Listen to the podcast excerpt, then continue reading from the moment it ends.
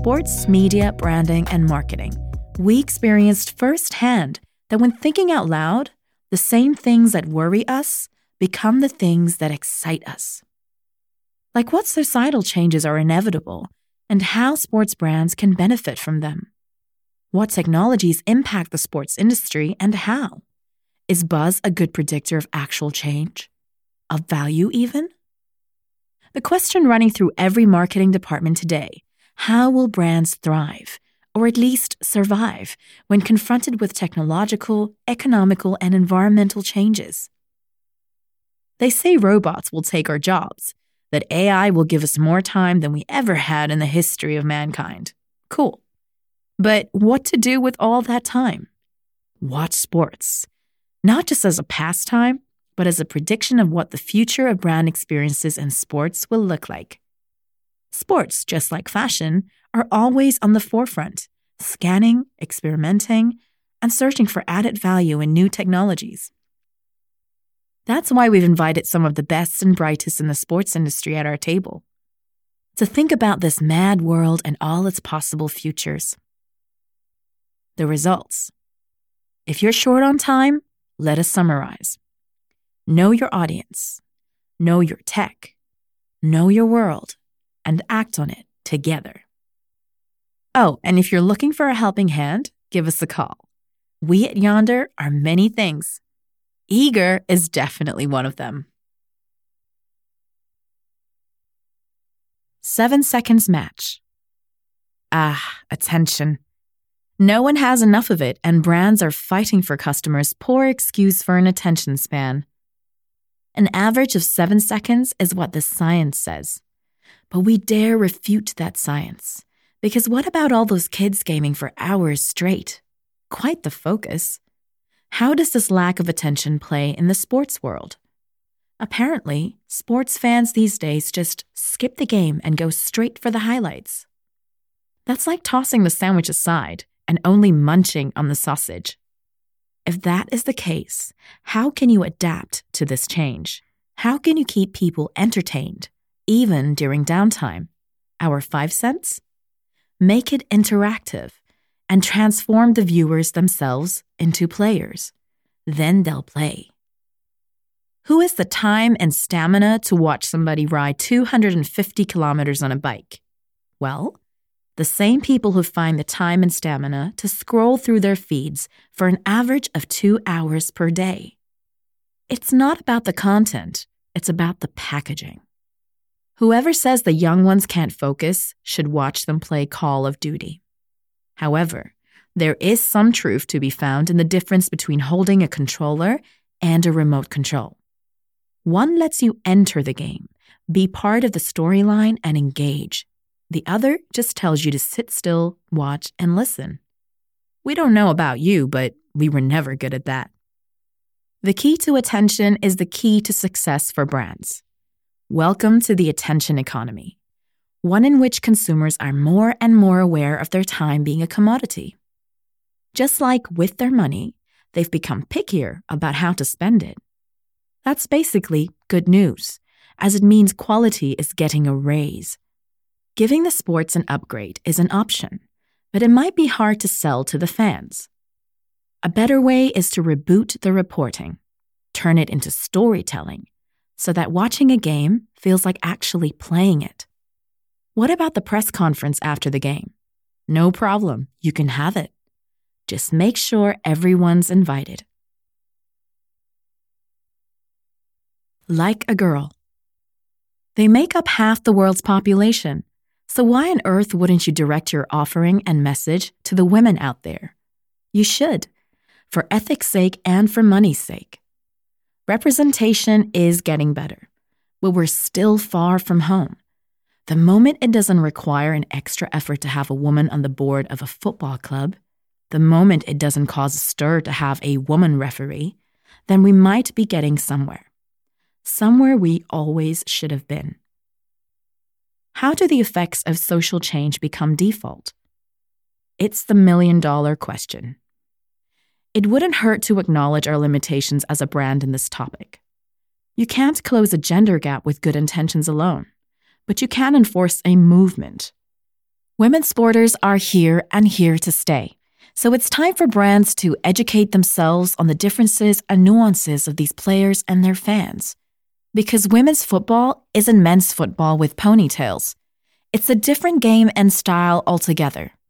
The same goes for basketball or cycling. Branding isn't a one size fits all game. Everyone wants fresh merch and a personal approach.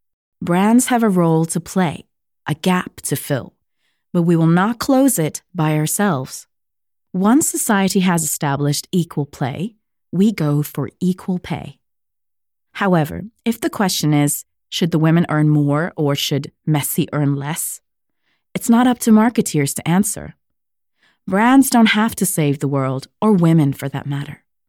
They should, however, treat them as humans, as human as men. An important point here brands are not alone in achieving this monumental shift. They're part of an ecosystem that, if its elements work as one, has the leverage to create lasting societal change. Because without the brands, there are no clubs.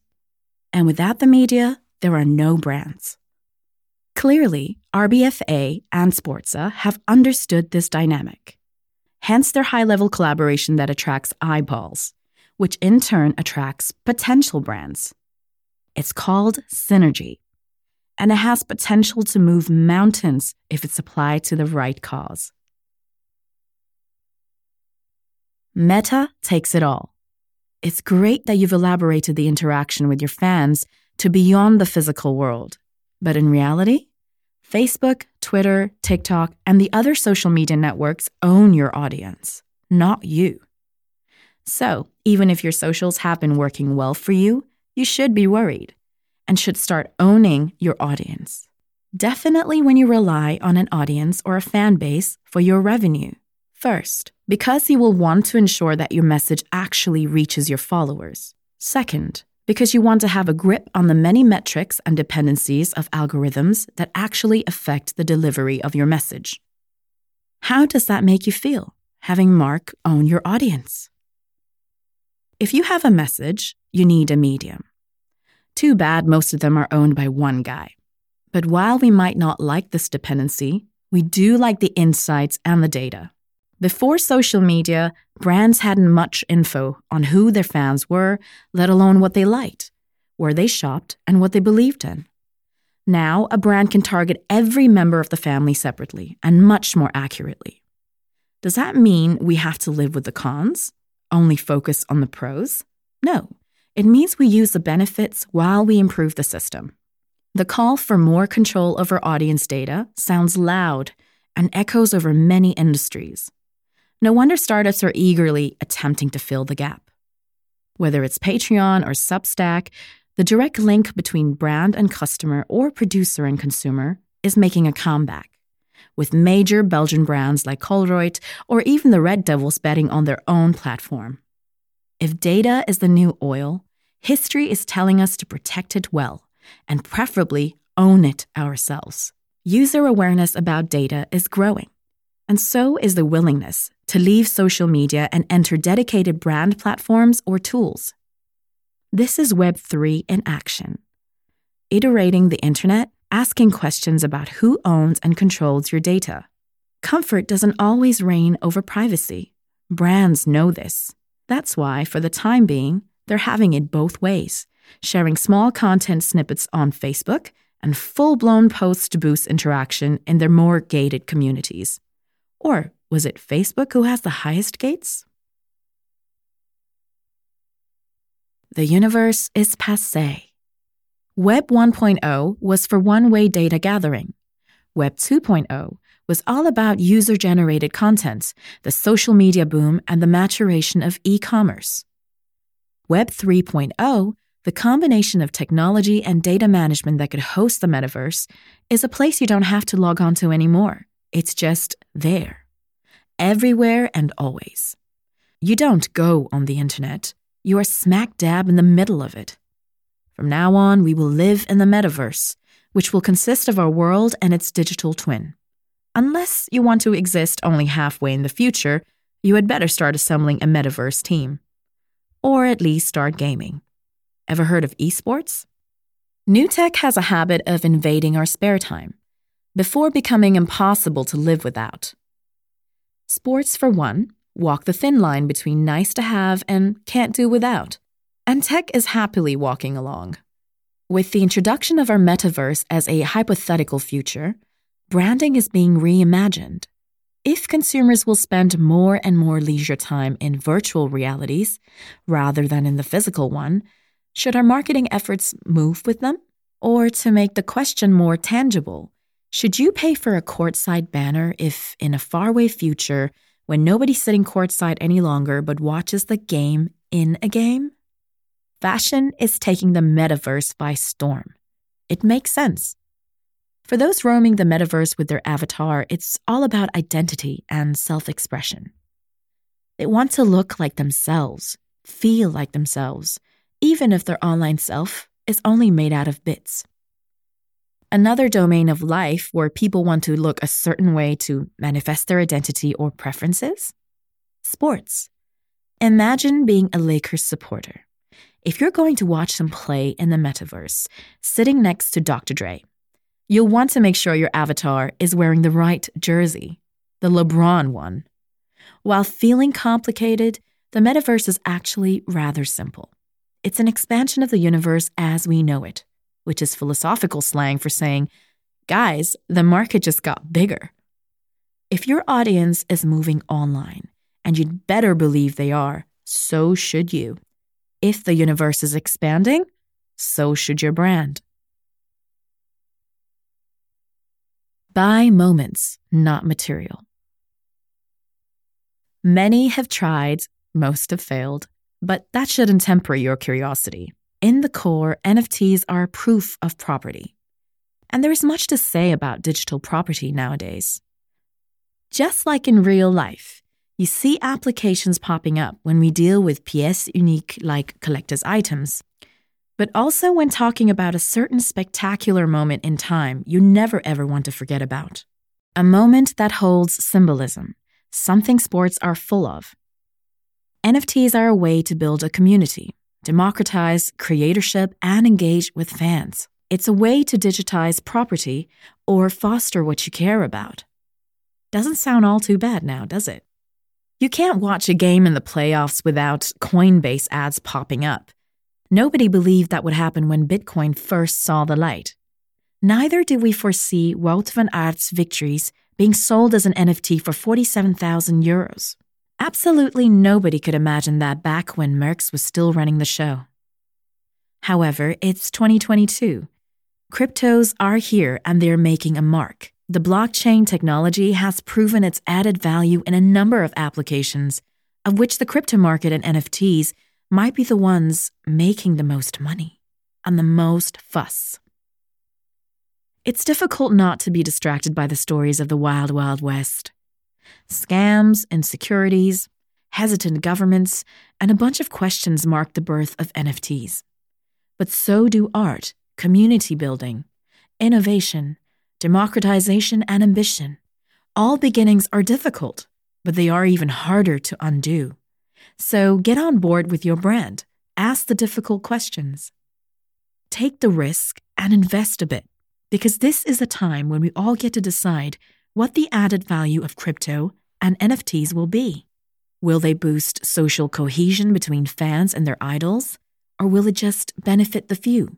How is the question, not when. Because you can be sure blockchain technology and applications like NFTs will revolutionize the sports industry. Experimentation and strategic leaps are what will keep you relevant. We got 5G on it. We got 5G on it. The 5G rollout is just around the corner.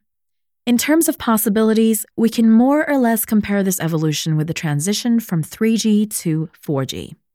Back then, we evolved from mainly text messages to platforms full of user generated content and even to a gig economy. What opportunities does 5G bring for brands in terms of attracting your audience? And which opportunities does this bring for production and different types of content? How will 5G transform content production? Well, if you want to play with AR or VR, and yes, you should, you'll need 5G to support it. The technology and ideas can become ever so big and bold, but if the Wi Fi doesn't hold, it's no good to anybody. Sports are as important online as they are offline. The interaction between a fan and their favorite team is best compared with a social media feed, not public broadcasting. They want it fast, snappy, always on, and bi directional. No one just sits and watches an almost static image for 90 minutes or more. This is 2022. People want stats, inside info, interviews, real time analytics. People aren't content merely watching Snoop Dogg during halftime. They want to be right there on stage with him. Yet in Belgium today, if you want to post a story during kickoff, the upload takes till halftime. AR and VR can and should expand fans' sports experiences. In the real world, the distances can be a drag, though. Hello, World Cup in Qatar. And the prices are too high. Qatar again. Having a fan's avatar sit courtside next to Drake for the NBA Raptors game might be just the solution. There has been a lot of experimentation with AR and VR activations, mainly in the States because Europe lacks the connection to carry the tech. But once 5G is rolled out clean and proper, and it will be, the Ronde van Vlaanderen will never be the same again. Fans will just go up on the Oude Kwaremont themselves, sporting a set of VR goggles and sipping their Kwaremont beer. Roll up your sleeves. Where brand purpose once was little more than a line in a mission statement, it's now key. It's all about the why. But where do innovation and new technologies come into all this? How do we balance them out? What does your purpose mean for the fans? And more importantly, how do they benefit from it? Sports brands must go beyond purpose and tap into the obsession they share with their fan base. To have a right to exist as a brand, it used to be enough to have your logo printed on a shirt. That was enough to make yourself known with the public. A banner on the field, a logo on the player's collar, and done was the deal. Today, fans expect more of a brand, especially when it enters into their personal sports sphere, because watching the game isn't some simple pastime. It's about being around your people, about a feeling of belonging and finding your tribe. Identifying with a team or player isn't limited to the game anymore. It's nonstop, both on and offline. So is reaching out to your audience and making yourself known.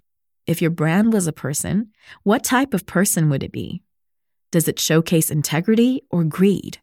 Does it walk the talk or walk without looking back?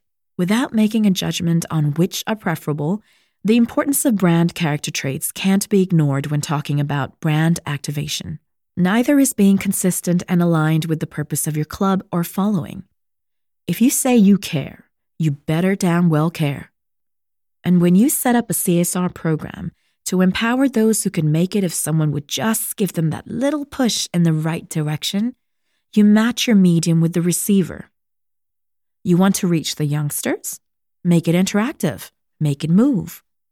Remember, caring doesn't mean you have to be a preacher nor a saint. It means that people trust people who do as they say and speak the same language they do. And for the sports fans out there, there's a human behind every logo. So you'd better act like one, whether it's on or offline. To sum it up, if from time to time you feel like nobody really knows where technology will take us, you are absolutely right. That doesn't mean, however, there is nothing we can do or know today. All of us at the forefront are in pole position to see transformation take place. The sports industry, especially, is a very good indicator of where we are all headed. Thinking and sharing with big players in the industry sure taught us a thing or two, so allow us to sum them up for you. A brand is more than a logo. Your audience doesn't just see pixels, it sees a whole built on values and purpose. Depending on the sport, clean cut awareness may still be enough for a brand. But the bigger the fan base, the more intense the tribe feeling, the higher the expectations rise. The audience wants interaction and they want to connect with something human, not just ads. Moral of the story brands better think hard about who they are and how they can carry out that personality to the people in a human, consistent, and authentic way. Speaking of values, the one topping the charts is definitely equality. The gender gap is a disgrace, and everybody knows it. Fixing it will be a long and delicate process with myriad stakeholders. While brands can't force societal change on their own, they do have a role to play. Ask yourself if you allocate your attention, budget, and efforts equally over all players when creating brand awareness. If the answer is no, do better. Because where you lead, fans will follow. Meanwhile, NFTs and Web3 technology are turning things upside down. And as with all new technology, new business models emerge. For sports fans, it means their fanness will intensify dramatically. The distance between the game and the fans, the players and their following, will dissolve, courtesy of immersive and interactive technologies, metaverse developments, and blockchain technology. How exactly? Nobody knows. But with the 3Dification of the internet, we promise you it's going to be fun. Sounds good? We know. Sounds sci fi? That's where you're wrong. The future is now, isn't some hollow phrase. It's developing as we speak, and the brave ones out there, those experimenting and searching, will be the ones to shape it. So, unless you want to go Nokia or Kodak, you've got work to do. And please enjoy yourself while doing so. We know we are.